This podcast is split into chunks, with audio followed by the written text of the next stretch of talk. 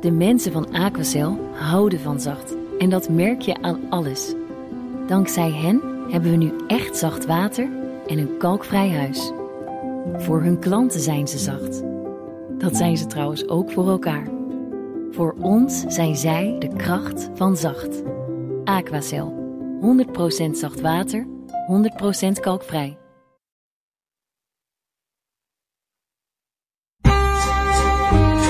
De Perestrooikast.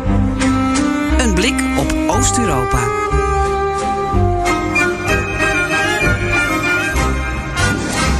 Welkom bij BNR Perestrooikast, aflevering 114 van de enige podcast van Nederland die volledig oog voor het oosten heeft en geeft. En deze keer eigenlijk een aflevering vrijwel geheel gewijd aan voormalig Joegoslavië. De tranen van Tito komen aan bod. De televisieserie van Iva Bicanic, die reist door de voormalige, voormalige Joegoslavische republieken, uh, landen, uh, Albanië zit er trouwens niet bij, maar dat hoort ook niet bij Joegoslavië. Dus dan weten mensen gelijk van nee, die pikken we niet. Daar hebben we Wiestemol voor natuurlijk. En uh, ze stuit in die uh, hele bijzondere serie op het, uh, het oorlogsverleden. jeugdig optimisme. Het is heel intergenerationeel. En zelf ga ik het zo in mijn nieuwsrondje even hebben over twee sportgrootheden uit onze regio, -hmm. Floris. Onze yes. regio is breed. Ja. Land of 30. Vladivostok. Iemand moet het doen. Um, de ene sportheld is omstreden Mhm. -huh. tegenwoordig. -huh. En de andere is, uh, ja, uh, bejubeld. Laat ik het zo samenvatten. Ja, ja. Ik heb het geschreven. Je hebt het geschreven, inderdaad. Het is mijn script. ik wist, de, de, eerste wist ik wel zeker omstreden, maar de tweede bejubeld. Maar hij is ook wel bejubeld. Ja, dan weet ja, je al over wie het gaat. Ja, ja, ja. En ja, Geert-Jan, ik richt mijn nieuwsblik weer even op de Baltische landen in Belarus. En je weet uh, dat we normaal gesproken een mop hebben van Joost. Maar jo Joost zit in uh, Kazachstan. Dus we gaan kijken of we aan het eind van deze uitzending nog ruimte hebben voor een beetje, een beetje humor. Maar dat gaan we dan improviseren. Een soort cabaret. Ja, ja, zo. zo, zo. Stand-up uh, Moet het dan maar comedian. zo. Misschien belt hij nog wel in. En je weet inmiddels, alles ten oosten van de rivier de Elbe kan de komende weken, maanden, jaren in deze podcast worden besproken. En wat leuk is, is dat we heel sociaal en democratisch zijn. En dat je ideeën kunt inbrengen via Twitter, het Perestrooikast. Of mail ons op perestrooikast.bnr.nl. En daar doen we nog wat mee ook. Want ik zag ook wat uh, mails binnenkomen over de situatie bijvoorbeeld in, uh, in Bosnië. Uh -huh. um, Quincy Promes hebben we nog steeds niet behandeld. Dat is de voetballer die van Ajax naar Spartak Moskou is gegaan. Met, en toen kregen we de vraag van ja, kan, kan, het OM in Nederland, want hij wordt verdacht van een steekpartij, kan het OM in Nederland wat in Rusland uitrichten? Ja, het is een hele specifieke vraag. Ik moet daar echt even induiken of ik daar iets mee kan, ook vanuit onze hmm. ja, regio uh, kijk. Jij hebt het antwoord ook nog niet, hè? Ik, nee, nee, nee, nee. Je hebt de mail niet eens gezien? Nee, ik nee. heb hem nog eens gelezen. Oké. Okay. Je overvalt me. Goed. Nou ja, dat was Geert-Jan met zijn promes en ik ben Floris Akman. En dit is BNR Perestrooikast.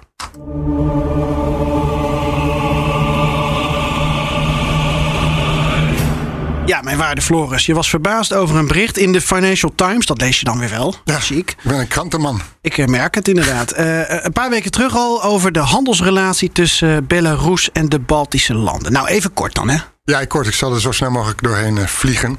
Uh, ja, wat me wel opviel, opviel hè, in die krant uh, las ik een bericht dat de handel tussen die, dus die landen, Litouwen, Estland, Letland en Belarus, naar recordhoogte is gestegen. En ja, dat, daar verdient Lukashenko natuurlijk prima aan.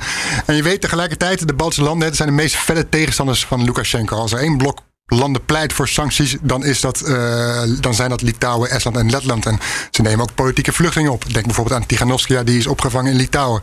Dus die enorme handel versus die, die, die strijdbaarheid om tegen Lukashenko het op te nemen, dat was voor mij, dacht van wow, dat is, uh, daar zit nog een mismatch in. Een spagaat. Ja, dat kun je wel stellen. Ja. Je, ziet, je, je ziet dus dat ook Baltische landen, en dat zie je eigenlijk door het hele Westen, Nederland, Rusland, of Duitsland, uh, met Rusland, de, de spanning tussen hun economische kansen, wat bedrijven willen met die landen en de geopolitieke retoriek. En dan blijkt het dat niet zo makkelijk is om die geopolitiek, die retoriek, om te zetten in daden, in sancties. Want er zijn altijd wel bedrijven of anderen die proberen toch geld te verdienen aan Belarus, aan, aan, aan, aan Rusland uh, of daar uh, ergens, uh, wat je ook weer ziet, genoeg oud-politici uit het Westen die in Russische bedrijven worden benoemd op topposities. Dus dit is zo met elkaar vermengd. het blijkt dat het niet zo makkelijk is om dat uit elkaar te trekken en wat te roepen en dan ook de daad bij de woord te voegen. Nou, dat is de eeuwige discussie over ja. het effect al dan niet van sancties. Hoe mm -hmm. kun je een land als uh, Belarus, als je dat dus wil pijnigen, um, hoe kun je dat dan, dan tot, toch doen?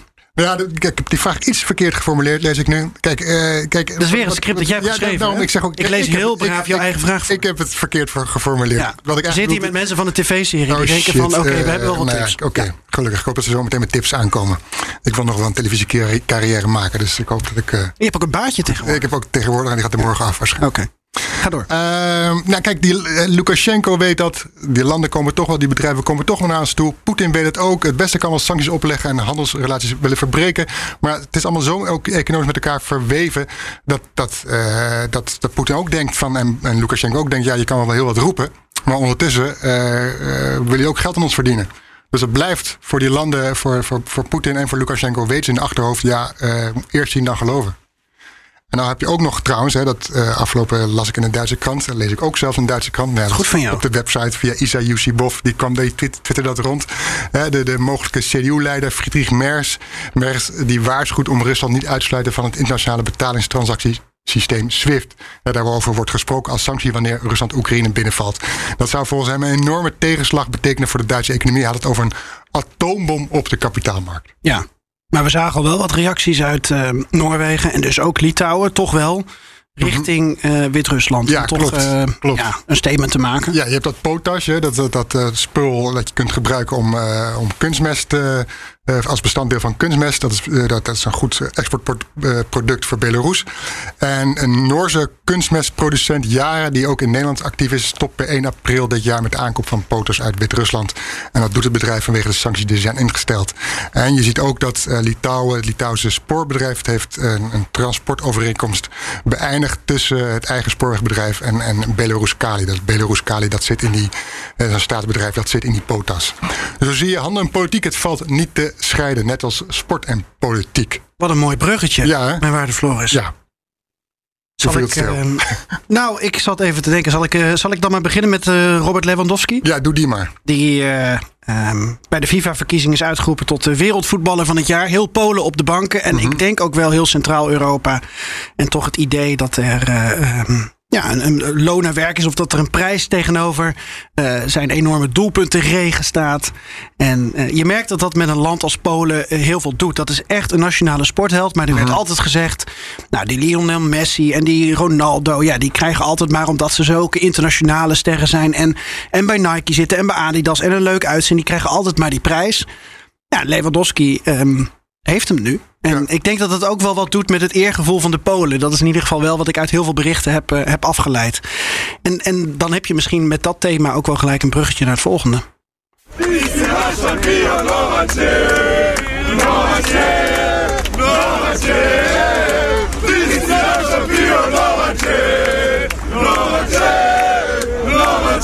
Ja, dit is de ontvangst van de Novak, Novak Djokovic supporters op het vliegveld van Belgrado nadat hij moest terugkeren uit Australië en niet kon meedoen uit de, aan de Australian Open. Ja, we hebben in de studio uh, Iva Bicenic, daar gaan we zo verder mee praten. Maar Iva, uh, jouw Servo-Kroatisch is beter dan de mijne. Wat wordt hier over Djokovic gezongen? Kon je het verstaan? Ik kon het niet precies verstaan, maar onze, onze Novak, zo ja. verwelkomend. Precies. Ik kon niet helemaal verstaan.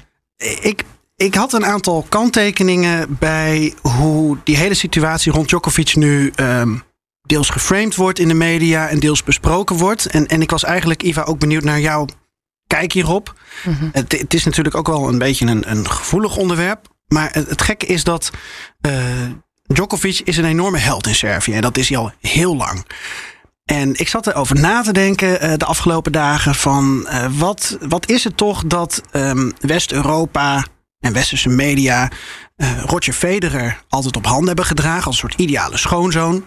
Ziet er leuk uit, uh, is echt een, een gentleman. Uh, Rafael Nadal werd later ook populair. En Djokovic is nooit echt, lijkt het wel, in, in West-Europa doorgebroken. een beetje te veel agressie of te veel emotie.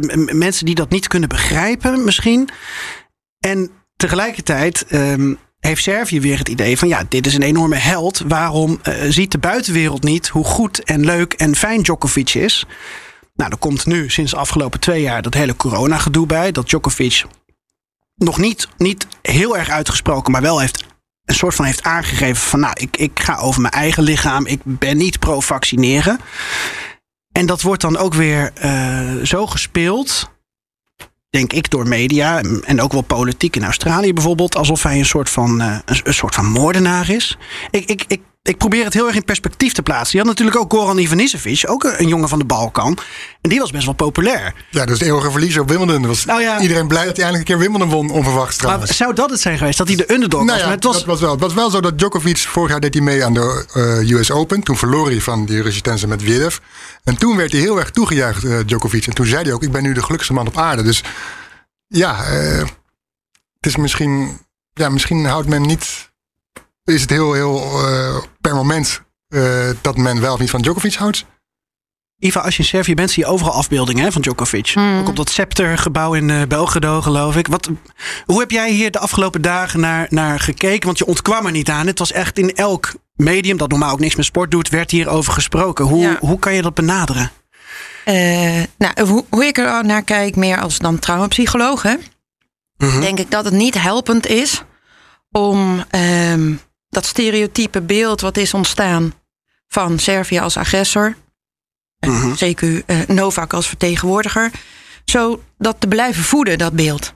Dat is niet helpend om die, eh, die hele situatie, die nu natuurlijk nog steeds gespannen is, eh, om daar uit te komen. En op de een of andere manier merk ik, en ik merkte dat laatst ook in een recensie van het NRC, was positief, maar Milosevic was te weinig genoemd in de Servië-aflevering.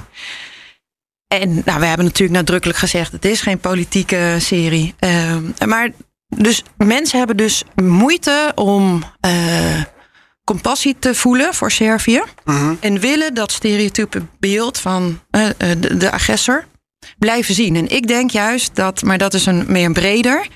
Ik denk als je de sleutel voor de hele situatie is juist het ongeziene leed van Servië te zien. Zonder dat het oordeel over hun agressie ertussen staat. Mhm. Ja, maar zij hebben ook leed en pijn en verdriet en vernedering ervaren. En dat zien, erkennen, daar waarachtig naar luisteren en kijken, daar ligt volgens mij de oplossing. Dus het helpt niet om de hele tijd dat, dat stereotype beeld te voeden. Ik bedoel, ik weet wel dat in de kranten ehm Djokovic zelf heeft gezegd dat het hem juist sterker maakt. Die Inat, het voedt hem juist. Zeg maar, hoe meer tegen je mij bent, hoe sterker ik ervan Dat zegt word. dat inderdaad, ja. Als hij, Ja. hij doet soms wel eens alsof het...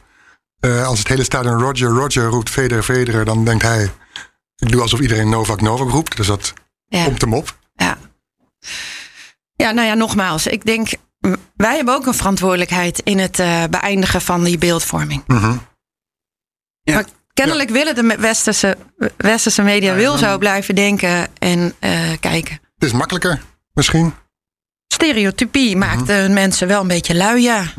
Ik, ik had nog een, een, een zijdelingse vraag over Djokovic. Want ik eh, kreeg ook wat berichten uit Bulgarije dat Djokovic daar ook wel echt op handen wordt gedragen. Ook nu, omdat hij eh, als een soort eh anti-vaxxer wordt geframed. En dan in landen waar de vaccinatiegraad heel laag is, dan, dan om, omarmen mensen dat. En zeker als het buurlanden zijn, landen in de buurt waar ook de taal enigszins mee correspondeert, dan helpt dat natuurlijk. Maar heb je nog, ik was benieuwd of Djokovic, eh, net zoals ehm, eh, wij soms eh, affiniteit hebben met, met iemand uit België bijvoorbeeld of zo, een Belgische sporter.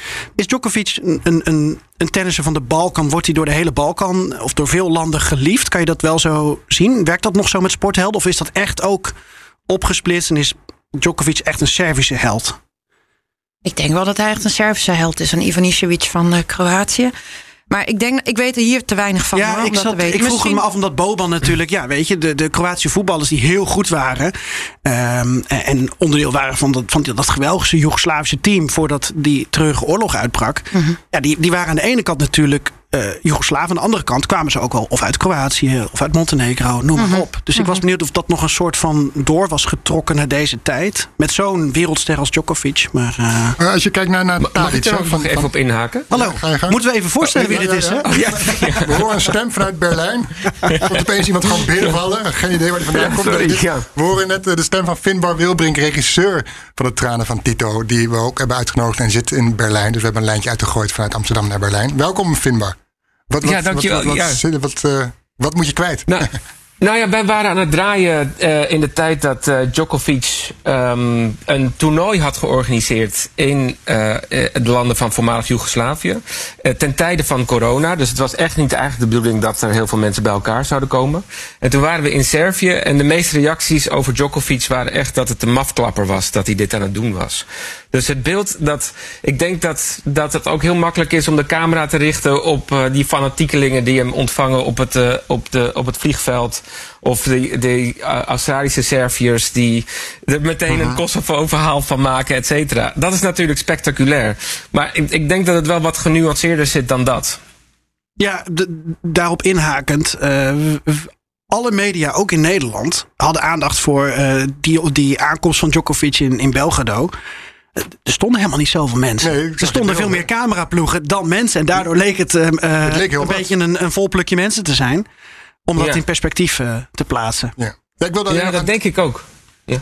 Ja, ik dacht van, uh, ik dacht aan denken aan Dusan Tadic van Ajax. Die is juist wel heel populair. Ik heb niet het idee dat daar of andere Servische Balkanverleden, oorlogverleden daar enorm speelt. Dus... Maar hij heeft ook uh, Inat een keer gebruikt, hè, met die penalty tegen PSV.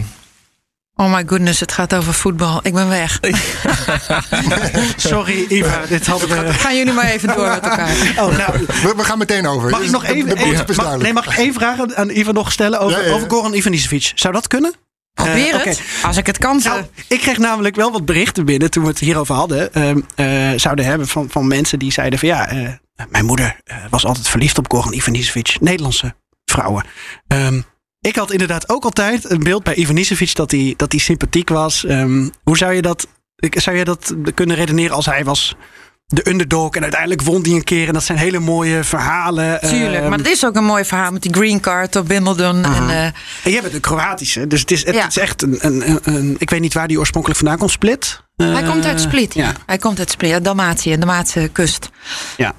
Um, ja, mensen vinden het toch heel leuk om op die manier te kijken naar mensen. Toch, dat heb je in Nederland ook. Dat ja. op, meer, meer aai, hogere aaibaarheidsfactor. Uh, maar het belangrijkste is denk ik uh, wat ik in het begin zei. Van, we moeten ons niet laten verleiden eigenlijk. Hè, om die beeldvorming die alsof één persoon kan staan voor een heel volk. Dat is natuurlijk niet zo. Nee. Kom op. En dan nog moet je in perspectief plaatsen dat Djokovic um, het, het volste recht heeft om zelf te bepalen wat hij uh, doet met zijn lichaam, wat hij vindt. Zeker.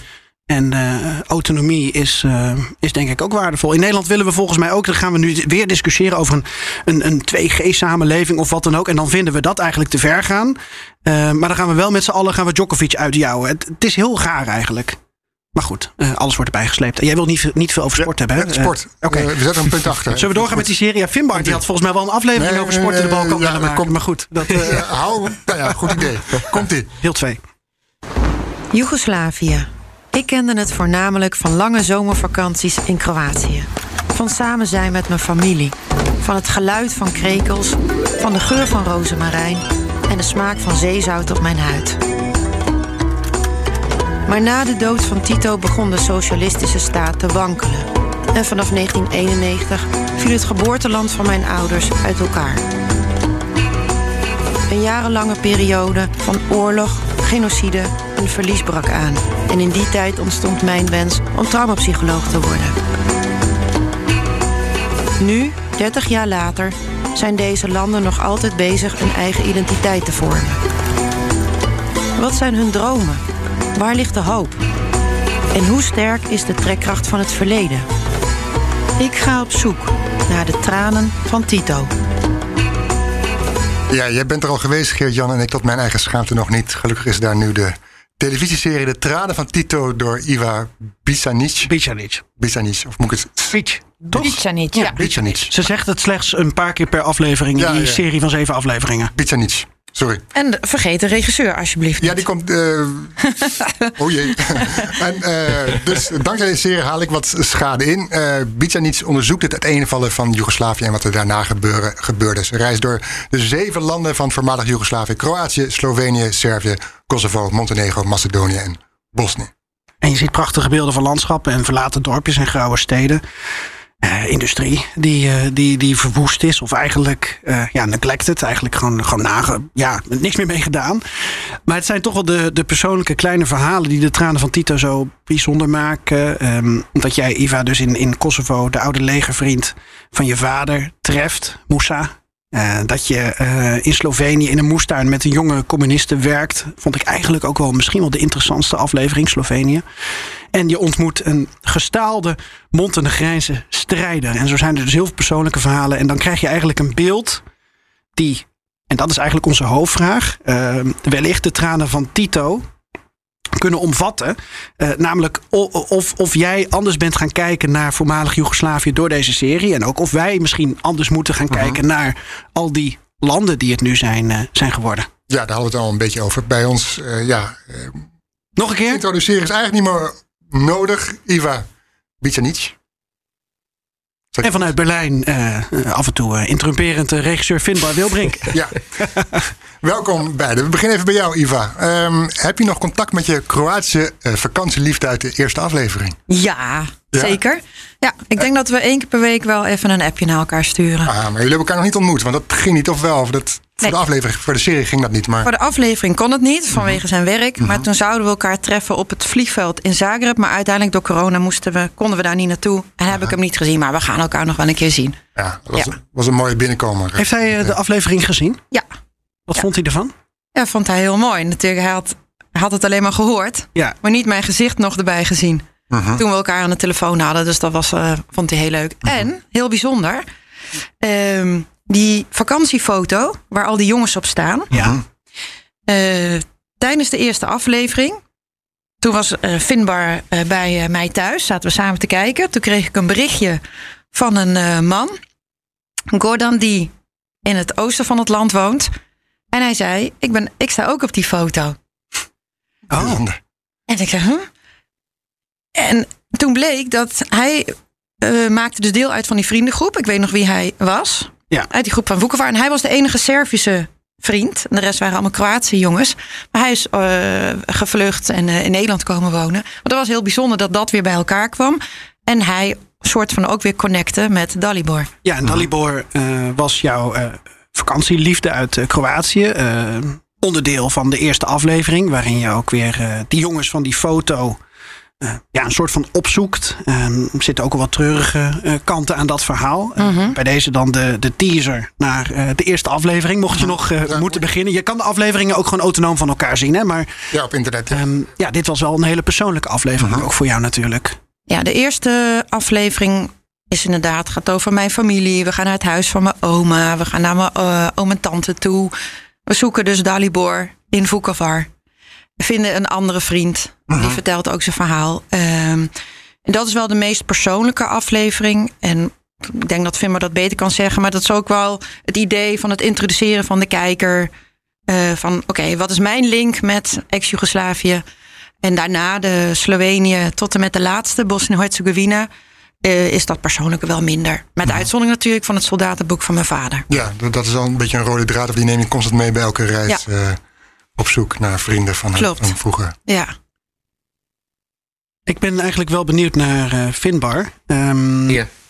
De serie die, die Iva wilde maken, of misschien moeten jullie even uitleggen hoe zoiets werkt voor de mensen die niet bij, uh, bij de tv uh, werken. Nou ja, dat geldt trouwens ook niet voor Iva, die is er ook gewoon lekker ingerold op deze manier. uh, maar Isa, um, Iva is geboren in Nederland, is van Kroatische komaf. Joegoslavische komaf eigenlijk toen nog. Uh, en met je ouders ging je op vakantie in, in Kroatië. En Finbar, jij als regisseur, hoe snel had je door... ik wil uh, Iva in sommige afleveringen heel centraal stellen... en in andere afleveringen juist niet? Want het lijkt me een hele moeilijke balans soms om te maken. Uh, ja, het hangt er ook vanaf wat er is. Gewoon aan het verhaal. Dus um, in uh, Kroatië, ik, je wil het natuurlijk eigenlijk altijd zo persoonlijk mogelijk. Uh, en dat is, dat is het mooiste voor de kijker. En het is ook het makkelijkste voor Iva om dan daar een emotionele binding mee te hebben.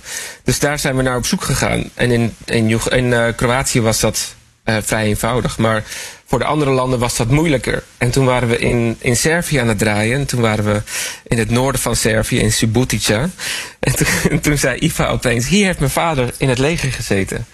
En, eh, en zo zijn we op dat soldatenboek gestuurd eigenlijk. En- En, dat was eh, ja, gewoon een geweldige Ja. eh, eh, ja, binnenkomer in mensen hun levens. Ja. Voor mensen die niet weten wat het soldatenboek is. Mhm. Mijn vader zat dus in Subotica. Dat ligt in Servië in het leger in 1967. Mhm. En toen was het idee natuurlijk tijdens het Tito... al die verschillende bevolkingsgroepen juist bij elkaar. Je moest juist integreren. Ja. En hij heeft een eh, boek waarin al die men- maten met wie hij dan in dienst zat... die schreven een verhaaltje met een fotootje erbij. Van ik ben die en die en ik ken jouw zus en zo. En weet je, later als je me wilt opzoeken... mijn deur staat altijd voor je open... en je bent mijn kameraad voor het leven. Ja. En dat zijn allemaal eigenlijk een soort poesie-album voor mannen. Eigenlijk zo, daar komt het op neer. Vriendjesboek. Een Vriendjesboek, ja. Ja, klopt. En, en, en dit soort elementen zitten in die serie. Eh, Iva, waarom wilde jij deze serie maken? Nou, ik, ik wilde hem niet maken, maar de haaien die wilden hem maken. 30 jaar na de oorlog. De haaien, dat is. Het productiebedrijf. Mhm. En die belde mij eigenlijk van, ken jij iemand? En toen dacht ik, oh, maar dat wil ik zelf wel heel graag. Ja, ik ken wel iemand. Ja, zo is het gegaan. Zo is het gegaan. Niet wetende natuurlijk van hoe zou dat lopen. Maar ja, samenwerken met eh Finbar en het hele research team. Dat was zo kundig en zoveel toewijding zat daarin. Dus dat gaf mij ook vertrouwen van dat, dat komt wel goed. Ja, want, want, want je had zoiets van, nou, dit, is, dit is mij op het lijf geschreven. Nou, eh, je mag gewoon, je mag in, in, in, de geschiedenis, in de roots van je ouders duiken. Dat is toch fantastisch. En ik had heel veel landen natuurlijk eigenlijk nog nooit gezien. Hè? Zullen- Kroatië was voor mij eh, het thuisland. Ja. Maar de meeste landen, daar was ik nog nooit eerder geweest. Nee, je bent in de jaren negentig nog, heb je in vluchtelingenkampen in, eh, in Bosnië, heb je nog eh, vrijwilligerswerk gedaan? Ik heb drie zomers in Kroatië gewerkt, waar, in vluchtelingenkampen waar Bosniërs. Oh, zo zat waren. het. Ja. Klopt. Eerst met kinderen en daarna met eh, bejaarden. Ja. En, eh, en daar heb ik, eh, daar is het inderdaad een beetje begonnen, het zaadje gelegd. Ja. En met name, wij, wij kregen dan de opdracht, nou, ja, als vrijwilligers, hè, om die kinderen te vermaken. En ze een beetje afleiding te geven en de oorlog te vergeten. Dat deden we dan ook, ook enthousiast met andere vrijwilligers uit heel Europa. Ehm, maar wat mij nog heel goed bijstaat, is het beeld van de ouders van die kinderen. Die vrij ja, stil, starend voor zich uitkijkend eh, daar voor hun, voor hun kamer zaten. En achteraf denk ik, dat is niet. Daar help je eigenlijk die kinderen niet mee, hè, om ze alleen maar af te leiden. De kunst had juist geweest, en ik hoop dat ze dat nu ook anders doen in vluchtelingenkampen dan toen. Om juist de verbinding tussen ouders en kind te maken. Want die mensen moeten met elkaar door. Ja. En wat er snel gebeurt na trauma, logisch, is dat kinderen heel snel leren dat als je het erover hebt of zo, dat je vader of moeder dan boos wordt of eh, emotioneel wordt. En je wilt natuurlijk als kind wil je je ouders niet ontregelen. Dat leer je als kind heel snel. En zo ontstaat er binnen no time een stilzwijgen. En komt het, wordt het onderwerp vermeden. En wordt iedereen, zo'n heel gezin, een heel systeem soms, wordt eigenlijk heel goed in het vermijden van de pijn. Eh, terwijl ik juist denk, en dat merk ik nu ook aan de reacties die ik elke dag krijg van mensen uit ex-Jugoslavië die de serie kijken. Die zeggen van, wauw, ik, ik ben weer gaan, ik ben gaan kijken samen met mijn kinderen. Of eh, wij kijken hand in hand, mijn moeder en ik. Of partners die elkaar beter begrijpen. Tranen die gaan rollen. Het verhalen die uiteindelijk wel komen. Heel veel kinderen van 25, van ouders die ooit gevlucht zijn, die zeggen: Ik heb zoveel vragen altijd gehad. Mijn ouders konden het me niet vertellen, maar nu zie ik het, nu hoor ik het. Dus de verbinding die nu wordt gemaakt binnen gezinnen, binnen families, binnen partners. Die, en de, de heling die daarin een klein beetje plaatsvindt, daar vond ik echt heel gaaf dat dat is gebeurd. Door, door het kijken ernaar. Ja, je bent zelf ook nu verder in je carrière als traumapsycholoog. Eh, toen je daar in eh, Kroatië die Bosnische vluchtelingen hielp, toen stond je eigenlijk aan het begin daarvan. Dus je hebt nu heel veel kennis ook zelf opgedaan. En de literatuur is natuurlijk anders ook geworden in Ja. hoe moet je naar dit soort situaties eh, kijken. Ehm, jij, jij wilde ook traumapsycholoog worden in, in de periode van, nou ik vat het maar even samen als al die ellende in, in voormalig Joegoslavië? Of ehm, heb je dat later pas, pas ontwikkeld? Nou, ik ben in, in de puberteit ben ik, is die verliefdheid ontstaan voor Joegoslavië. Ja, dat was dan de jaren tachtig. Ja, Ja, Kroatische jongen.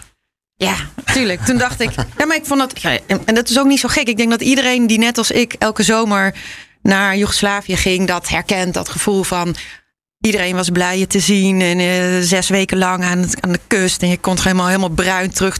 Met die auto vol met, met uh, en een rakje. En allemaal dat, spullen van de familie. Ja, tuurlijk, tuurlijk. Um, dus ik had een soort verliefdheid was daar ontstaan. En ik dacht echt dat ik later daar wilde gaan wonen en werken. Echt leven. En ik heb tegelijkertijd in die vluchtelingenkampen wel veel geleerd als het gaat over waar, waar wil ik voor kiezen. Maar ik dacht ook toen ik daar was, oeh, ik ben toch te Nederlands uh, in de zin van afspraken maken, plannen maken.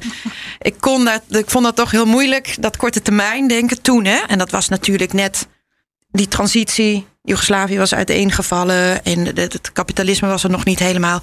Ik kon daar, ik kon daar niet goed tegen. Uh Dus de, mijn hart klopt nog steeds. En dat is gebleven. Maar daar echt werken en wonen zou wel een huisje willen hebben voor vakantie, maar echt ja, ik ook. daar leven nog niet. Ja, wie niet? wie niet? Het is wel fijn voor Finbar dat uh, Iva dus eigenlijk, uh, ondanks, uh, nou ik vat het maar even samen, maar misschien heb ik een compleet verkeerd beeld op basis van zeven afleveringen, als nou in, in hart en nieren wel Kroatische roots en vast ook wel wat emotie, maar toch een soort Hollandse zakelijkheid. Ja, dat is wel handig als je zo'n serie wil maken. En dat iemand wel telkens lekker op tijd is voor alle afspraken en alle reisjes die je gaat maken. Ja, ik vind dat. dat... Ja. Het was niet alleen. Ik denk dat het grootste voordeel was, is dat ze een open blik had. Uh, om, uh, uh, en, en echt nieuwsgierig was naar, naar die andere landen. En, geen, en niet geleid werd door vooroordelen. Of ehm, ja, er zijn zoveel mensen die in de. Um, uh, in Nederland wonen, uit die regio komen, die zoveel hebben meegemaakt, zoveel bagage met zich meenemen. En dat had Iva niet. En dat zorgde er ook voor dat ze gewoon. Uh, nou ja, met, uh, met zowel mensen aan de ene kant die in Vukovar hebben gestreden, als mensen aan de andere kant um, kon praten en een gesprek kon hebben. -huh. Finbar, ja, van, van Iva weten we wel een beetje van jouw beeld vooraf van de serie. Ja, dat was toch Kroatië, zomervakantie, verliefdheid. Um, uh, Finbar, hoe was jouw beeld vooraf? Want jij hebt natuurlijk, uh, je hebt natuurlijk wel, je bent geïndoctrineerd door de westerse media, om het zo maar even te zeggen. Je hebt die, die oorlog gezien, uh, meegemaakt. Hoe, hoe was jouw beeld van voormalig Joegoslavië vooraf? Ja, nou ja, het, inderdaad, precies wat je omschrijft. Wat ik, ik bedoel, ik ben, ik was tiener in de tijd dat de oorlog was. Dus dat, ja, dat beeld is bij mij ook blijven hangen. Uh -huh. Dus toen ik werd gevraagd of ik deze serie wilde overwegen, toen heb ik uh, met een vriend van mij gezeten, Oliver Sertic. En hij is filmdistributeur in de zeven landen. En hij heeft me gewoon een hele middag uh, heeft hij me door alle landen meegenomen. En de, complexe, de complexiteiten uitgelegd. En uh, ja, daar is, daar is mijn hart voor de, voor de voormalige Joegoslavische uh -huh. landen gaan kloppen. Ja. ja. En Iva, toen jij op vakantie was, je merkte nooit iets van pruttelende spanning of iets? Nee, ik niet. Nee, maar mijn ouders hebben daar ook niks over verteld. Nee, nee hoor, het was alleen... Bewust niet of het speelde niet? Of, of, of die, die nee, bewust niet. Bewust niet, denk ik. Dat ze daar mij niet mee hebben belast. Uh -huh. Nee. ze speelden dus wel, er speelde wel dus wel iets. Mogelijk, maar ja, ik heb het niet meegekregen. Ik had alleen maar onbekommerde zes weken zomervakantie. Ook fijn dat je een beetje kind mag zijn, toch? Ja, maar dat, weet je dat dat echt helpt? Als je dan zeg maar die landen induikt. En als een kleuter bijna kan vragen: wat is dit en waar is dat? En waar, waarom doen jullie dit zus en waarom doen jullie dit zo? Die, die onwetendheid die helpt echt om. Uh, met, met, nieuwsgierigheid om de verhalen op tafel te krijgen. Ja. Nou, we, we, proberen naar aanleiding van dit gesprek erachter te komen of jij toch ook een, een, een breder beeld hebt gekregen van, van de regio waar je oorspronkelijk vandaan komt. We hebben wat, wat vragen van, van luisteraars. En eentje was van uh, Patrick Verkruisen. Zou Joegoslavië een langere levenskans hebben gehad als Tito niet plots was overleden en er een sterke vervanger was gekomen? Of was Joegoslavië gedoemd om uiteen te vallen zoals de Sovjet-Unie? Nou, uh, jij hebt natuurlijk meer een, een sociale analyse of sociologische analyse, denk ik, in huis dan een politieke. Maar uit de gesprekken die je hebt gehad, mm -hmm. wat, wat, wat, wat maak je hiervan? Nou, we hebben um, naast de tv-serie een vierdelige podcast gemaakt. Mm -hmm. En uh, daaruit heb ik geleerd dat. En ik denk dat dat ook klopt. Kijk, er kwam op een gegeven moment een economische crisis daar. Niet alleen maar in Joegoslavië, maar in die hele de regio. En zoals we ook in de Kroatië-aflevering zeggen, broederschap en schaarste gaat niet goed samen. Dus al, ik denk, al was er een vervanger geweest, Ehm, hoe had hij daar tegenop moeten boksen? Want die kredieten werden allemaal gestopt. Ik kan me no- nog herinneren dat er dienerbriefjes waren met zes nullen erop.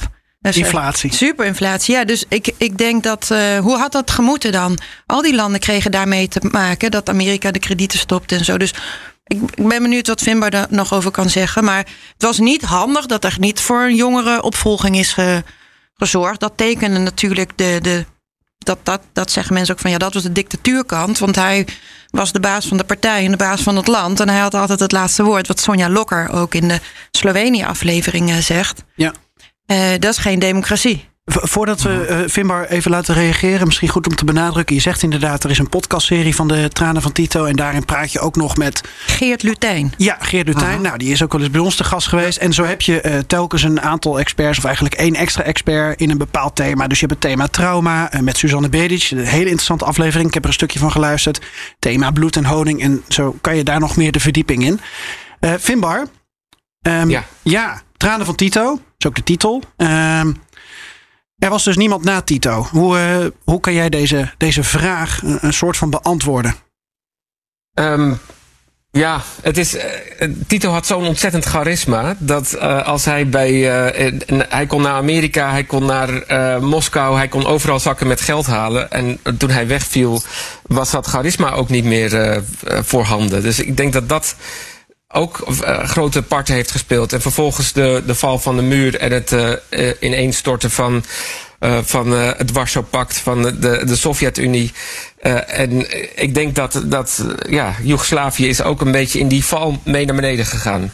Ja, was hij geen vrededictator? Of, of Sorry? was hij geen Ja, vrede... oh, ja, nee, je bedoelt Milosevic. Nee, nee, Tito. Oh. Was hij een vrede dictator? Nou ja, hij heeft natuurlijk in zijn strijd met Stalin... eh, heeft hij alle eh, vermeende communisten... die aan de kant van Stalin stonden in Joegoslavië... naar Goliotok gestuurd. Eh, en dat is een strafeiland. En daar zijn er niet heel veel van teruggekomen. Dat zijn wel tre- trekjes die, die vaak toe te schrijven zijn... aan vrede dicta Ja. dictatoren. Maar...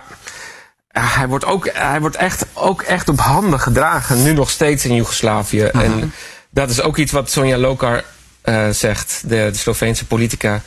Dat eh, er zoveel goed gedaan kan worden door een regime die tegelijkertijd ook zoveel eh, verschrikkelijke dingen hebben gedaan. Ja. We hebben het een beetje Ja. over, over hoe je vooraf kijkt en daarna. Als we even Servië, we hebben het al een beetje gehad naar aanleiding van Djokovic, eruit lichten. Hè, dat wordt toch gezien als de, de kwade genius, de agressor van de oorlog van de jaren negentig. Hadden jullie dat beeld vooraf ook? Eh, nou, ik heb, denk ik, ik weet niet meer wanneer we dat gesprek hebben gehad, maar eh, ik heb vooraf wel gezegd van als we weer wat gaan doen met die serie, laat het dan in het teken staan van reparatie en herstel, want dat staat ook heel dicht bij mijn werk. En wat ik in de spreekkamer ook probeer te doen, er valt altijd wat te repareren. En in de Servië-aflevering gingen we op zoek naar tranen, omdat ehm, Servië heeft ook pijn en verdriet en vernedering. Hè? De vernedering eh, door de NAVO en eh, de, de pijn van eh, 1389 en ja, hun offers, eh, hun doden in de Oekraïne en zo. Dus ehm, eh, hun pijn zien, eh, dat, dat, dat was wel mijn. Dat laten zien en de, de kijker ook eh, daarnaar laten luisteren, dat was wel mijn eh, doel, ja. En ik vond het wel spannend hoor, eerlijk gezegd. Toen ik naar Servië ging, dacht ik, oh, maar mijn achternaam kan je wel zien dat het Kroatisch is en hoe zal dat zijn? Maar ik vond het zelf eh, alleen maar gastvrij en, en ik heb daar niks van gemerkt van eh, vijandigheid of wat dan ook, echt helemaal niet. En in Belgrado, dat was eigenlijk wel mijn favoriete stad van alle grote steden. Dat was echt een gave stad. Ja, dat is te gek. Ja, echt. Maar het is wel een, een, een moeilijk thema, lijkt mij, eh Finbar. Omdat het is een thema dat eh, journalisten eh, of documentairemakers eigenlijk heel vaak aansnijden natuurlijk. En volgens mij willen ze in Servië er ook wel over praten. Maar het, lijkt me best wel lastig, omdat het een thema is dat natuurlijk eigenlijk altijd een beeld van Servië schetst. En dat, dat vroeg ik me af bij deze aflevering van... eh, nou, Iva zegt, je wilt hebben over reparatie en herstel. Ehm, als er een aflevering over Servië in deze serie komt, dan kon ik eigenlijk al uittekenen dat het hierover zou gaan. Je ontkomt er niet aan. En heb je daar nog over getwijfeld, Finbar? Eh, nou ja, ik denk dat, dat het plan was altijd om, uh, om niet. Uh, om naar het complexe individu te gaan uh, luisteren en kijken. Dus al die uh, individuen in Servië die vertellen samen het grotere verhaal. En ik denk dat als dat de insteek is, dan, dan is het al moeilijk om van tevoren een, beeld te creëren van wat je zou willen vertellen. Dus wij, ja, we hebben echt Servië zelf hun verhaal laten vertellen. We, we hadden wel wat andere plannen toen we begonnen. Maar die zijn, we wilden iets over de, de, snelweg van de broederschap doen. Um, en we wilden, uh, we hadden andere plannen, maar die zijn allemaal een beetje weggevallen omdat Servië die wil, ze wilden gewoon praten. Ze wilden gewoon dat. Ze zagen de gelegenheid met, dat wij daar met camera en microfoon waren. En, en men wilde gewoon hun verhaal kwijt. Dus dat was het bijzondere daaraan eigenlijk. En wat ik sterk vind aan de serie is dat het uh, ja, intergenerationeel is. Dus je ziet dat Iva ook echt uh, in gesprek wil gaan met mensen die de tijd van Tito hebben meegemaakt. Um, mensen van je eigen leeftijd, die daar misschien vanuit hun jeugd wat herinneringen aan hebben. En uh, de generatie daaronder, die er eigenlijk geen herinnering aan heeft. En dan is het altijd de vraag van wat voor, wat voor creatieve, nostalgische gevoelens komen erbij kijken. Uh, of hebben ze er totaal helemaal niks mee? Dat vond ik dus heel sterk. En, en dat heb je volgens mij in elk land ook geprobeerd, Iva. Ja, de, de jongere generatie is eigenlijk overal wel in elke aflevering aan het woord geweest. En die willen door. Die willen niet achterom kijken. Die zeggen, als ik steeds achterom kijk, dan zie ik niet wat er allemaal voor moois voor me ligt. Uh -huh. Maar wat ligt er voor hen? Bijvoorbeeld toen wij in Bosnië liepen met een van die jongens, Ivan geloof ik heet die. Um, ja, het is een decor van ruïnes hè, waar, je, waar je doorheen moet lopen als jongere. Ja. En soms, sommige van hen zijn ook boos natuurlijk. Dus zij moeten het ruimen. Zij moeten het opruimen. En te, tegelijkertijd wordt hen weinig perspectief geboden. En veel jongeren proberen ook weg te gaan. Dat is de aflevering van zondag 30 januari. Ja, dat is Bosnië. de laatste. Ja, ja, ja. Bosnië-Herzegovina is een sluitstuk. En, en betekent dit ook dat je dus eigenlijk er niet aan ontkomt om het over al dat leed uit het verleden te hebben? Omdat dat ook onderdeel is, helaas, van hoe je naar de toekomst moet kijken. Ja, wat ik denk, wat, wat we overal wel zijn tegengekomen, meer dan ik dacht, is het onverwerkte trauma in allerlei generaties. En zeker voor de mensen van de, de generatie van Dalibor. Hè, zeg maar, die hebben zo het meeste meegemaakt. Je jeugdvriend uit uh, Kroatië. Ja, ja. ja die, uh, daar, daar alsof, ja, alsof er nog steeds veel soort van bevroren is. Niet, dat stagneert, hè, dat komt niet in beweging. En die jonkies die willen wel verder. Maar die, uh, die oudjes, zeg maar, die, die, die, die trekken ook. Die trekken ook. En dan heb je de politici die als het ze uitkomt, dan uh -huh. spannen ze zo weer die, uh, die, die geschiedenis weer voor hun karretje. Nou, dat is best wel ingewikkeld. En die jongeren, daar, daar, daar zit de kracht in. in. In het algemeen denk ik wel. Ik denk dat Vimmer het wel met me eens is. Als je echt naar de mensen zelf luistert, dan zit dat joegelhart. Dat van die saamhorigheid, die vind ik daar nog wel intact gebleven. Bij jong en oud, of? Bij jongen, het zit soort van in het DNA van die, van die regio. Maar dat bedoelde ik ook met mijn vraag helemaal aan het begin over Djokovic. Ja, oh zo. Of er dus nog een bepaald, bepaalde saamhorigheid Saamho zit. En dat dat misschien met, met een sportheld, maar het kan ook op een hele andere ja, manier. Maar die, tot die, die is er, die is er. Ik bedoel, natuurlijk, er is een gedeelde geschiedenis en er is een gedeelde cultuur. Uh, maar in de harten, en, en dat merk je ook uit de reacties die nu komen van kijkers.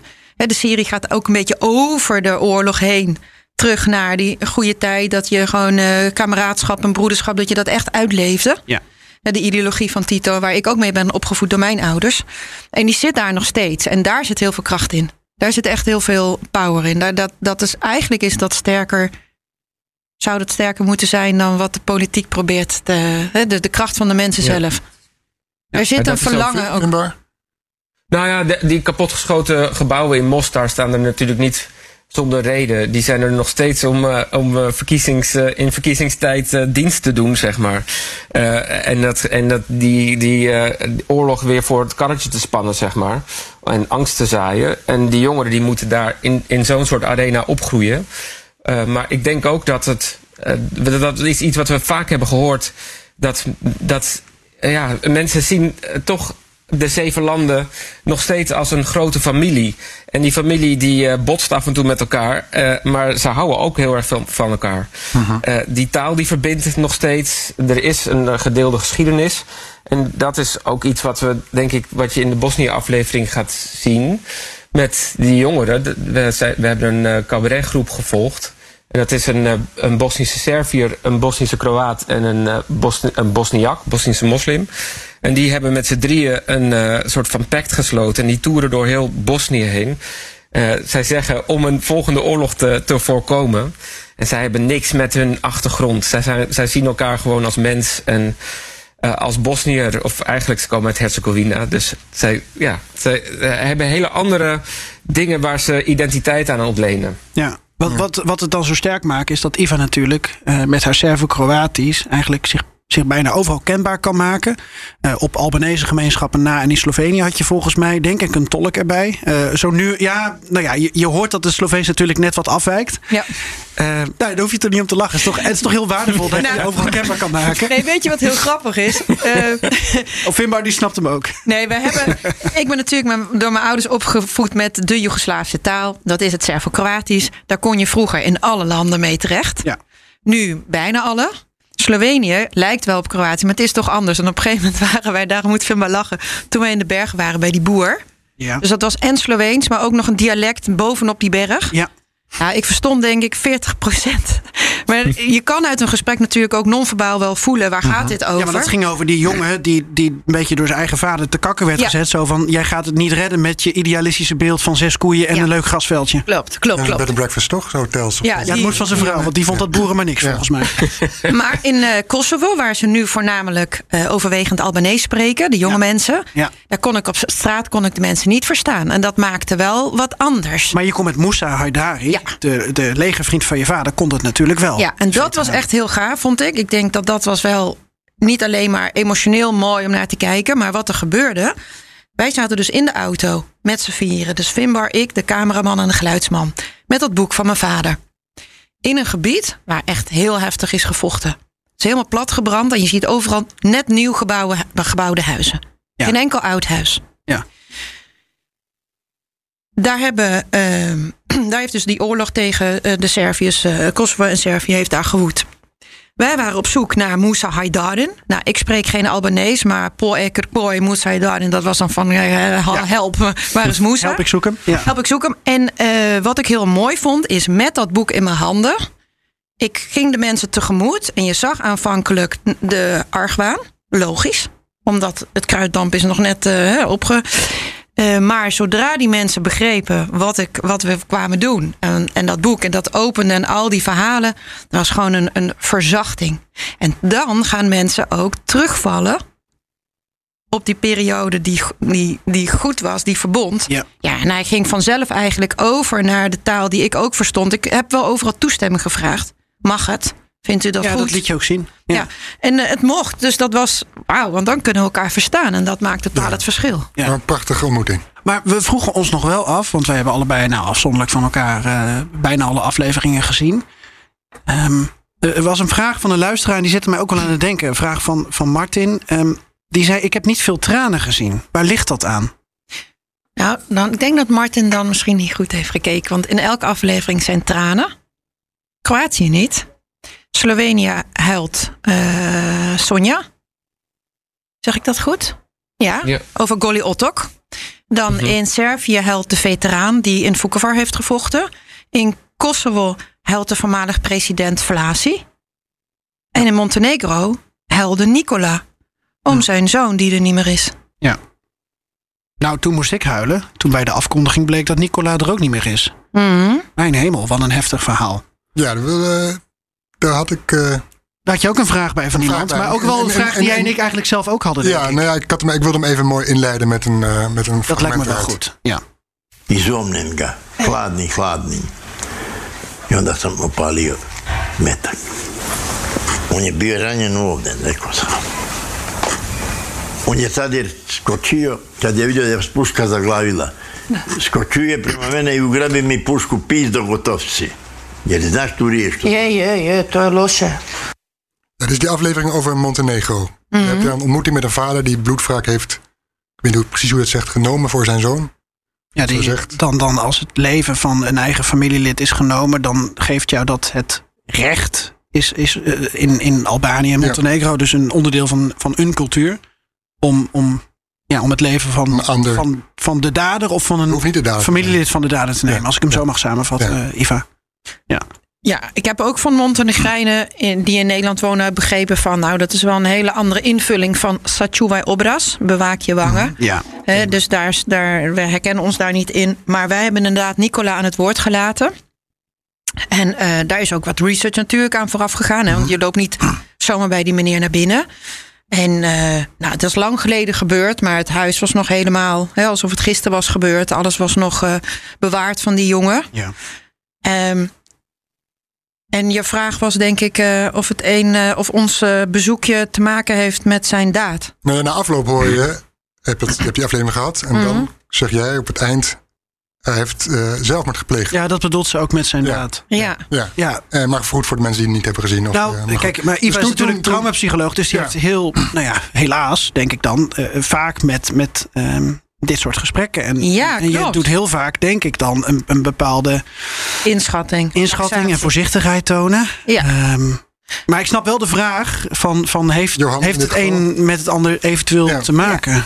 Ja, dat weten we natuurlijk nooit zeker. Nee. Maar ik denk van niet. Nee. En inderdaad, praten met mensen die eh, getraumatiseerd zijn of die ehm suïcide hebben meegemaakt of eh, verschrikkelijke dingen hebben meegemaakt. Dat is mijn werk als hoofd van het Landelijk Psychotraumacentrum. Dus Mhm. ik weet nog dat we daar waren en dat de crew dat best soort van wow. En ik dacht, ja, dit is eh, gewoon een soort van een intake wat ik op dinsdagochtend normaal doe. Ja, dat is, snap je, dat is gewoon mijn werk. En inderdaad, ehm, de researcher doet van tevoren een taxatie van, van de draagkracht van iemand. Maar dat doe ik zelf ook. En die meneer was denk ik samen met zijn vrouw een situatie van complexe rouw met depressieve gevoelens. En ook suicidaliteit hoort daarbij. En we hadden het daar ook wel over. Dat hij zei van dat kan ik niet maken, want dan blijft mijn vrouw alleen achter. De suicidale gedachten en depressie, ja, die, dat komt met elkaar voor. En daar, daar hebben we gewoon over gehad. Ja. Maar ik denk niet dat het gesprek daar dat heeft uitgelokt. Dat dat een soort ehm luxator was. die van, ging. Nee, die wond was al de hele tijd Ja. open, elke dag. Ja. Denk ik. Is er nog contact? Is er nog nazorg? Of is iets... eh, Ja, de, de, de, de fixer daar, Mhm. Angelka, die heeft al die tijd contact gehad met die mensen. En twee maanden nadat daar wij daar op de names hadden gemaakt, toen liet zij ons weten dat hij eh eh, suïcide heeft gepleegd. Maar dan ben ik toch benieuwd, want dit, dit gebeurt. Nou ja, ik weet niet hoe vaak dit gebeurt. Maar het zal voor jou niet vreemd zijn dat dit, eh, ondanks dat iemand in behandeling is, eh, bij jou bijvoorbeeld of bij anderen, dat, dat het toch niet lukt. Tuurlijk. En kijk, Ehm. een suicidaliteit, daar kan je al wel afspraken over maken met patiënten. Ja, Eh, en vaak is het niet soort van dat ze echt dood willen, maar dat ze zo'n heel erg wanhopig zijn van hoe moet ik leven. Want die, die veteraan in ehm, Servië, ja. die in Vukovar heeft gevochten. Wij hadden dat gesprek met hem aan het tafeltje. Maar hij vertelde toen ook dat onder zijn kussen ligt een eh, pistool. En hij heeft dat al vaker in zijn hand gehad. Ja. Om zichzelf te doden. En dan denkt hij aan zijn kleinkinderen en dan houdt hij het weer vol. Maar ik denk dat mensen die nu luisteren, die bijvoorbeeld veteraan zijn geweest. Want dat zijn ook best wel grote fanclub van de tranen van Tito. Ja. Die zullen dat herkennen. ja want er zit heel veel herkenning in. een PTSS en depressie, dat is heel veel comorbiditeit tussen die twee stoornissen. En Ja, ja, suicidaliteit hoort daarbij. Mag ik nog één vraag stellen voordat we eh, voorlopig, voordat jij en, en Finbar nog aan het woord komen? Want ik, ik was nog benieuwd of de, de dood van Nicola, of, of die jou op een andere manier toch heeft geraakt dan, dan iemand die, die bij jou eh, in behandeling is tijdens jouw tussen haakjes normale werk als traumapsycholoog. Want dit was natuurlijk een hele andere setting en een hele andere situatie dan waarin jij normaal werkt. Dit was ook geen werk, maar je weet wel hoe je iemand voorzichtig moet benaderen. Heeft het iets met jou gedaan? Mm. Nou, weet je, we, we waren wel erg ver- verbonden en betrokken bij al die mensen al die tijd. Snap je? De, er zit twee jaar tijd, bijna een voorbereiding. En door een heel team, die daar ook met die Nicola al van tevoren spreekt, daar naartoe gaat en dat uitzoekt allemaal. Van. Dus ehm, de betrokkenheid is niet minder geworden, maar het is. En ik weet ook wel dat we zaten volgens mij in de auto toen dat eh, nieuws binnenkwam. Volgens mij waren we in Bosnië aan het eh, opnemen. Ja, dat kwam wel binnen bij ons allemaal.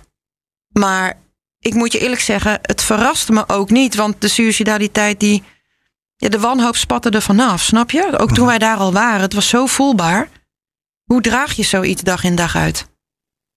Dus het was niet helemaal zo van, hm, dat voel je gewoon als je in gesprek bent met iemand, hoe zwaar het leven is. En hoe, hoe je iemand kan snakken naar verlichting. Ja. Vindbaar? Ja, nou ja, eh, hij ging, iedere dag gingen ze naar dat graf toe. De, dat hele huis stond helemaal vol met foto's van hun zoon. Eh, de, de kamer van die zoon was nog helemaal intact. Ehm, Het was, eh, ze leefden echt in het, in het verleden. En ja, het is. Het is eh, eh, ja, ik, ik, ik ben zelf geen psycholoog, dus ik weet niet wat het, wat het juist is, wat, ik, wat je daarover zou moeten zeggen. Nou, wat Maar deed ik het had met jou? Zoiets van, ja, ik had zoiets van. Ik was, ik was eigenlijk eh, blij voor hem dat het. da- dat, hij, dat hij zichzelf had. eh, ehm, nou ja, dat, dat hij vrij was. Ja. In plaats van iedere dag opstaan met, die, met, met dat hele zware gevoel.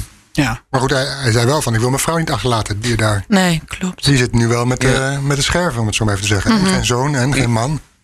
Ja, maar hij, zij heeft natuurlijk zijn vrouw ook achtergelaten toen hij die moord pleegde. Hij heeft natuurlijk ook heel lang in de gevangenis gezeten. Ja.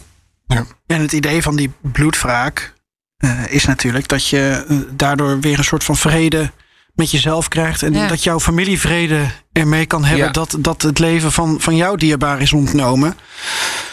Nou, Ja. Dat bleek dus niet Ja. zo te zijn. Nee. Dat denk ik ook niet. Hij heeft, hij heeft overigens de oorlog dus helemaal niet meegemaakt, hè? Alleen maar vanuit de gevangenis. Oh ja. Ja, dat was wel heel bijzonder. Ja, hij, hij kreeg dus Ja. gevangenisstraf. Na acht jaar kreeg hij gratie, dus hij is vervroegd vrijgekomen. Maar hij heeft in zijn cel meegekregen, ook door de geluiden van buiten. Wat je zeg maar kon horen op straat. Want Zo. hij was toch in, in Dubrovnik of zo, eh vindbaar. Ja, ja klopt. Hoorde ja. hij eh, wat er buiten gebeurde. Dat is helemaal. Ja, heeft hij dus niet fysiek meegemaakt. Ik kreeg al de indruk op basis van jullie serie dat jullie een heleboel interessante informatie nog, eh, nog niet hadden kunnen verwerken. Dus, eh, Nee, Ja. dat is wel zo. Ja, de, de- Ja, dat is echt zo, ja. Er is heel Ja. veel. we- hoe noem je dat? Ook alweer vindbaar dat het dan op de, op de vloer. Op de. Wat, Op, wat, op, de, eh, op de montagevloer eindigt. Ja. ja. oh, nou die ligt vol denk ik. Die Ja, ligt vol, die ligt vol. We hebben uiteindelijk hebben we van de vijf mannen die we gingen zoeken uit het boek. Na Servië hebben we er vier gevonden. Mhm. Twee komen er maar terug in de hele serie. Ja. Maar goed, in, in, op de website, in de podcast en alle extra's komt er wel aan bod. Nee, niet alles. Nee? Nee, er zijn ook mensen die zeggen: doe nog een keer een tranen van Tito. Eh, Maak er nog, maak nog eentje. Nou, en, en oké, het zal niet hetzelfde zijn, maar smaakt dit naar meer? Nou, waar, waar, waar denk ik nog wel behoefte aan is, zo'n soort tranen van Tito in Nederland. Ja. Eh, Want de titel, de tranen van Tito, het legitimeert iets van ja, er is ook veel om, om te huilen. Er is ook heel veel verlies geweest. Je, je vertelde ook vooraf dat je ook reacties hebt van Dutchbatters. Ja, ik kreeg heel veel reacties Ja. van Dutchbatters, mensen die in Bosnië hebben gevochten of eh, hebben gewerkt. En die ehm, eh, met name Dutchbat 3, onder de Srebrenische periode. Maar ook eh, veteranen breder dan dienend in Bosnië, die vast zijn gelopen door oorlogstrauma. Ja. En die ook kijken met hun gezin ook van, ja, daar heeft eh, papa gewerkt. En eh, ik krijg fotootjes van mannen die toen 18 waren in Kosovo. Een kleine ventjes die bij zo'n gezin staan. Dus ik, eh, het, ik hoop eigenlijk dat die mensen ook met een beetje compassie naar zichzelf kunnen kijken. Van ik was ook maar een, ja, een- jochie. Maar mensen die ook uit zichzelf, veteranen die teruggaan naar het gebied. Mensen die daar zijn gaan wonen. Dat Ja. zegt ook wel Ja, wat. dat heb je ook. Ja. Ja. Ja, er was vorig jaar heel veel aandacht voor met Ja. 25 jaar Srebrenica. Ja. Om de, eh, sorry Finbar, het is toch omdat, omdat Ja. Eva ook traumapsycholoog is, toch, toch nog deze vraag voor haar ook. Want ehm, als je kijkt naar de actualiteit, want het, is, het lijkt mij inderdaad super interessant om te zien hoe Dutch Batters, maar ook ehm, de, de vele Joegoslaven eh, die naar Nederland gevlucht zijn. Met name in de jaren negentig, die enorme diaspora. Hoe het met hen gaat. Maar ook op basis van de actualiteit. Ehm, ik heb begrepen uit een van die podcastseries die je ook hebt gemaakt. dat er door eh, corona en door lockdowns ook weer eh, van alles naar boven is gekomen. Of situaties heeft versterkt. Van niet helemaal in vrijheid kunnen leven. Of nou, wat dan ook. Tegelijkertijd. ehm, veel berichten, eh, met name uit eh, Bosnië-Herzegovina en, en Republika Srpska. ehm, De leider Milorad Dodik, die ja, toch wel eh, op afscheiding van die Republika Srpska lijkt af te, af te koersen. Mhm. Dat doet ook wat, denk ik, met al die mensen die in de jaren negentig naar bijvoorbeeld Nederland zijn gevlucht. Zeker. Ik denk dat we hem samen kunnen beantwoorden, Finbar en ik. Even over als het traumapsycholoog. Wat ik heel erg heb gemerkt uit de reacties die komen op de tranen van Tito, zijn natuurlijk de mensen van toen zijn weggegaan, moesten weggaan, gedwongen om te vluchten, schuldig voelen over weggaan, doe ik wel of niet goed eraan. Hier moet de aarde opnieuw een gezin maken, een gezin stichten. En ja, je bent veilig, maar je bent eigenlijk alles kwijt. Het is één grote teleurstelling. Ehm, over sommige dingen kan, kan en kunnen mensen niet praten. Dus is gewoon too much.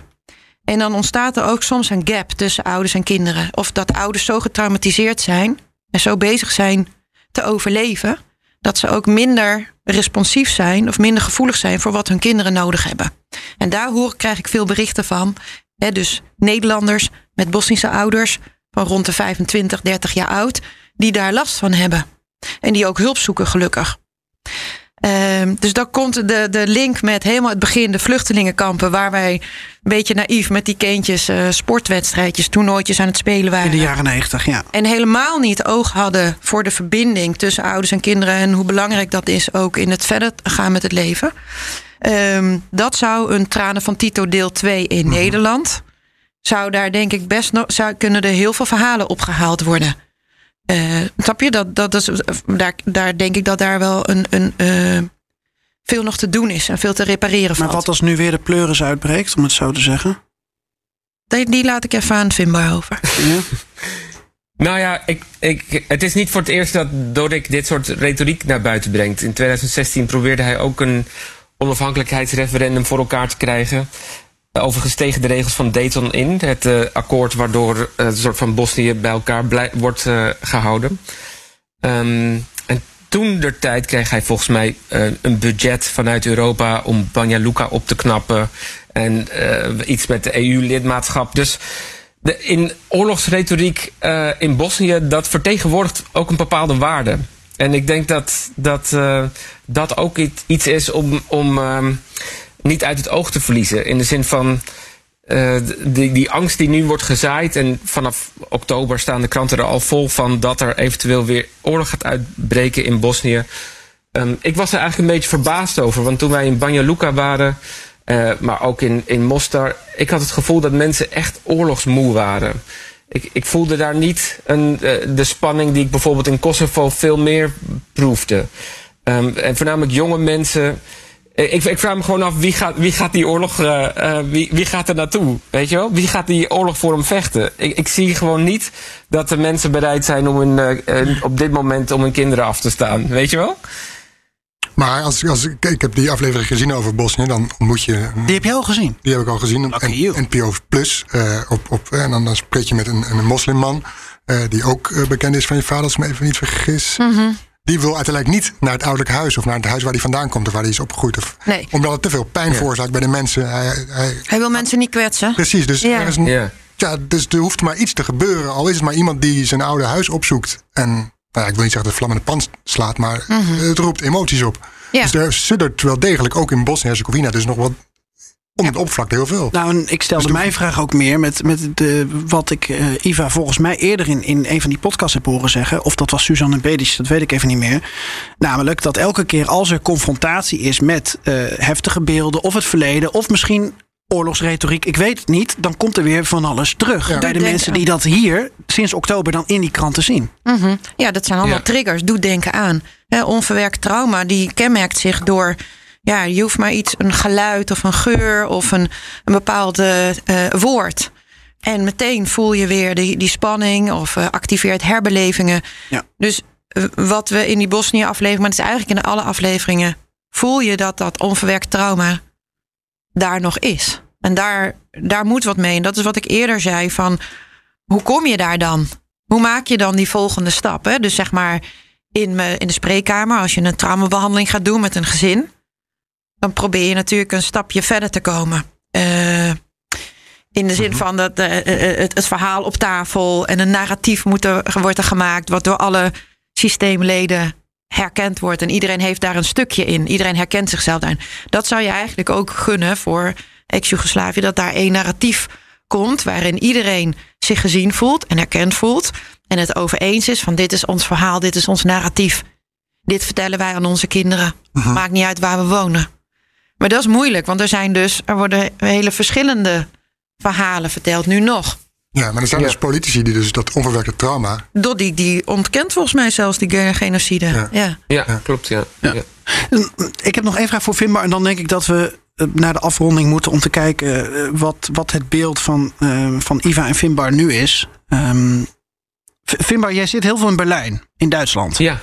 Ja. Duitsland presenteert zich eigenlijk altijd als een soort Midden-Europa. Een land dat het oog heeft voor, voor alle, alle windrichtingen. Als jij zo'n Ja. serie als deze vanuit Duitsland zou maken, zou die anders zijn? Ehm, ja, dit is, dit is eigenlijk. eh, dit, eh, Berlijn eh, noemt zichzelf de, de westelijke grens van de Balkan. En dat merk je ook aan alles dat het in Charlottenburg wonen heel veel Russen. Ehm, er zijn ontzettend veel ehm, Kroatische en Servische restaurantjes hier. Ehm, ik, ik denk, er is een serie gemaakt door Arte over, over de regio. En die is, is veel minder diepgravend, veel minder eh, op de psychologische vlak, veel meer bij de feiten gebleven. En ik denk dat dat ook te maken heeft dat. Ja, ik denk eigenlijk dat een serie zoals die, van, die wij hebben gemaakt heel goed zou kunnen hier. Ehm, eh, maar daar, daar, dat, dat vergt nog wel een stapje. Je hebt Eh, iemand als Ivan omdat- nodig die het draagt. Verkoop de rechten. Ja. Ja, ja, ja, ja. Ja. Ik geloof dat de producent daar ook mee bezig is. Maar het zou echt heel goed zijn, denk ik. Want er zit hier ook zo ontzettend veel onverwerkt leed. Plus dat de nieuwe generatie eh, vanuit eh XU, waar ze naartoe gaan, is voornamelijk naar Duitsland. Dus dit is wel echt een land waar Ja, zowel dat- vluchtelingen als eh, ja, de nieuwe workforce, zeg maar, hier. eh, dus, ja, dus er is gewoon een enorme diaspora hier. Eh, Dus dat zou heel goed zijn. Ja, Iva Goes Germany. Waar- waarom niet? Doe je Duits? Die is leuk.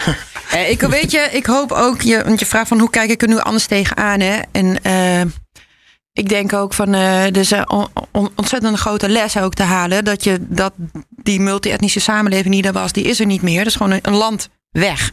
Dus mijn kinderen weten, bij wijze van spreken, of de, die generatie, staat die, dat land gewoon niet meer op de kaart. Nee, jij bent hè, zoals ja. Vimbar, dat zijn met jouw kinderen natuurlijk niet. Ook Nee. nog eens los van het feit dat ze natuurlijk in Nederland... Ja, jij bent in Nederland ook geboren, maar Ja. het is er gewoon niet meer. Klaar. Nee, het is gewoon weg. En dat realiseren, dat je dus een land kapot kan maken, een multi-etnische samenleving kan verdwijnen. Als gevolg eigenlijk van nationalisme, daar moeten we, daar, dat moeten we ons aantrekken. En ik, ik zie ook dat kijkers daar ook door gaan nadenken. Ja, maar wacht eens even. Dit kan dus daartoe leiden. Dan, kan dat, dan moeten we niet denken, oh, dat is alleen maar op de Balkan. Maar dat kan ook in andere delen van de wereld gebeuren. En zo de Balkan eigenlijk gebruiken als spiegel voor de rest van Europa. Ja. Hoe, hoe is jullie Ja, beeld nu? aanslu- trouwens, Ja? nou, nou nog heel, een vraagje. Want je zei eerder dat, eh, dat je de Slovenië de meest interessante aflevering vond. Ja. Eh, wa- waarom? Omdat Slovenië eh, een lid is van de Europese Unie. Eh, nou, Kroatië is er ook later bijgekomen. Maar Slovenië is ook nog eens eh, grenzend aan Italië, aan Oostenrijk. Heeft eh, volgens mij van al die landen de meest, nou ik noem het even West. Maar het zijn Midden-Europese invloeden. En eh, het verhaal dat jullie hebben gemaakt over ehm uh, Domobranci, eh, over, over partisanen tegen de, tegen de communisten, om het even zo samen te vatten. eh, dat, dat kende ik niet op die manier en vond ik super boeiend in beeld gebracht. Het enige wat ik me daarbij wel afvroeg was. ehm, wat is het percentage? Hoeveel mensen. eh, is er een stille meerderheid die eigenlijk beide kampen niet zo boeiend vindt? Ehm, want ik, ik was heel erg benieuwd of dit dus echt zo breed gedragen wordt door Slovenië. En daarom was ik er zo over verbaasd. Maar het was, het was super mooi in beeld gebracht in ieder geval. Ja, ja ik, want ik denk dat dat ook.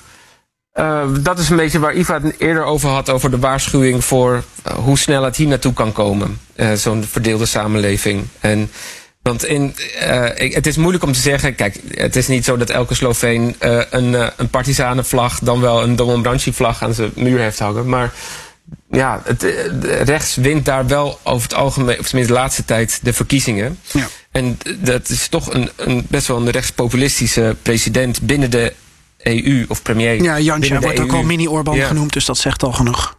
Ja, precies. Ja, ja. Kijken jullie nu even vooraf en daarna kijken jullie nu anders naar voormalig Joegoslavië? Om te beginnen even met Finbar. Eh, eh, ja, ja nou waar ik het meest. wat, waar ik anders naar kijk is. Ik kom zelf, eh, ben ik half Iers en ik ben opgegroeid door mijn, opgevoed door mijn moeder met een bepaald beeld van Engelsen. Dat je, ehm, nou ja, de, de, Engelsen werden, de haat voor de Engelsen werd, werd een soort van, daar groeide ik mee op. En wat ik zag in uh, voormalig Joegoslavië is dat daar ook kinderen met een bepaald beeld, zoals ik ben opgevoed, zijn opgevoed. En, uh, en ik heb eigenlijk geleerd van veel mensen daar dat ze ondanks die vooroordelen toch uh, bereid waren om een open blik te hebben naar de ander. En dat heeft mij ook anders doen kijken naar, en veel meer doen kijken naar het complexe individu waar ik het eerder over had. Mhm. Dus, dus dat heb ik ervan geleerd eigenlijk. Vooral van de jongeren. Ja, dat vond ik heel, heel bijzonder. Iva, hoe kijk jij? Ja, ik, uh, ik zie de bereizen voor me weer gaan. De, de, de, de, de landen zelf zijn gewoon echt prachtig. Ik bedoel, Nederlanders gaan naar Kroatië toe massaal. Maar doe eens Jij even moeite en ga zo'n land verderop. Montenegro heeft je hart gestolen? Ja, Montenegro vind ik echt heel erg mooi, inderdaad. Um, maar dat er, en daar sluiten wij de serie ook mee af in aflevering 7, dat er gewoon veel meer overeenkomsten zijn dan verschillen. -hmm. En uh, hè, dus ook al waren sommige landen nieuw voor mij, het was wel echt heel her herkenbaar, de waardes. Uh, en, en dat bindt. En daar, nou ja, ik hoop, je hoopt eigenlijk dat mensen dat zelf ook zien. Dat er veel meer overeenkomsten dan verschillen zijn. Ja. ja. Ik had nog één, één teaser vooraf naar de laatste aflevering, tot slot. Ja, uh, dat is Bosnië, want Noord- Noord-Macedonië komt uh, zondag 23. Ja, dus ja, deze over Noord-Macedonië. Uh, dat is de ene laatste. ene laatste. Ja? Noord-Macedonië op, op 23 januari. Dat was een, een duel tussen een historicus en een architect. Je moet niet verklappen wat het is. Maar was het toeval dat ze zo, dat juist deze twee uitersten kwam, we kwamen elkaar tegen bij dat, uh, bij dat grote standbeeld, ja, het, het, hoogste. Ja, ja. ja, dat is heel imposant. Ben je daar ooit geweest? Nee, nee, ik, ik ben nog überhaupt niet geweest op mijn. Uh... Hoe kan dat? Ja, nee, sorry. Nee. Ja, dat, dat, Shame on you. Hij komt niet verder dan Zandvoort, maar dat is ook prachtig. Ja, we troffen elkaar bij het standbeeld. Ja. De en, daarna ga ik, en, en, en, ja. en daarna ga ik met die uh, archeoloog. Ga ik daarna verder de stad in en die laat me eigenlijk ja. ja de, de façade zien van, de, van de stad. Ja, dat is een prachtig. Ja, ik zal met nou, ik, kijken. Ik, ik, ga kijken zondag hoor. Ja, dat ja. is een heel mooi duel. Kind vroeg naar bed en uh, hup. Ja, um, Gwalawan. Ivan, uh, Iva uh. Mm -hmm. En uh, oh, dan moet ik even denken in het Iers. Uh, Gorma Haggett. ja, heel goed. Ja, Finbar. Wilbrink. Regisseur van het Tranen van En dat betekent eigenlijk, uh, ik dank jullie allebei. Ja, ik dank jullie ook. Um, we hebben geen mop van Joost. Hebben jullie een mop, Iva en Finbar? Ik heb geen mop. Een Joegoslavische mop. Limerick, kunnen we ook vragen. Had ik het nou geweten, dan had ik hem even bij mijn moeder opgehaald. Ja, bel even. Ja, je belt wat in die aflevering. Ja, bel eventjes. Hi Cookie. Hey Cookie. Ja. Nee, vinden we ook geen mop, geen Ierse mop. Uh, wat zei het uh, Montenegrijnse internetdomein toen Montenegro zich afscheidde van Joegoslavië? It's not you, it's me. Ja. Volgens mij heb ik hem. Me, M-E?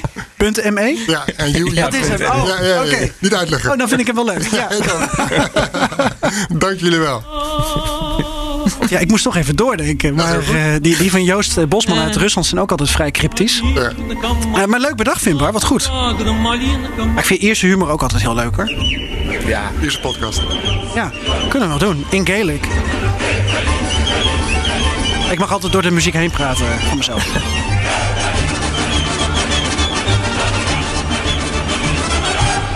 Dank jullie wel. Pakka. Aito. Dankjewel. De mensen van Aquacel houden van zacht. En dat merk je aan alles.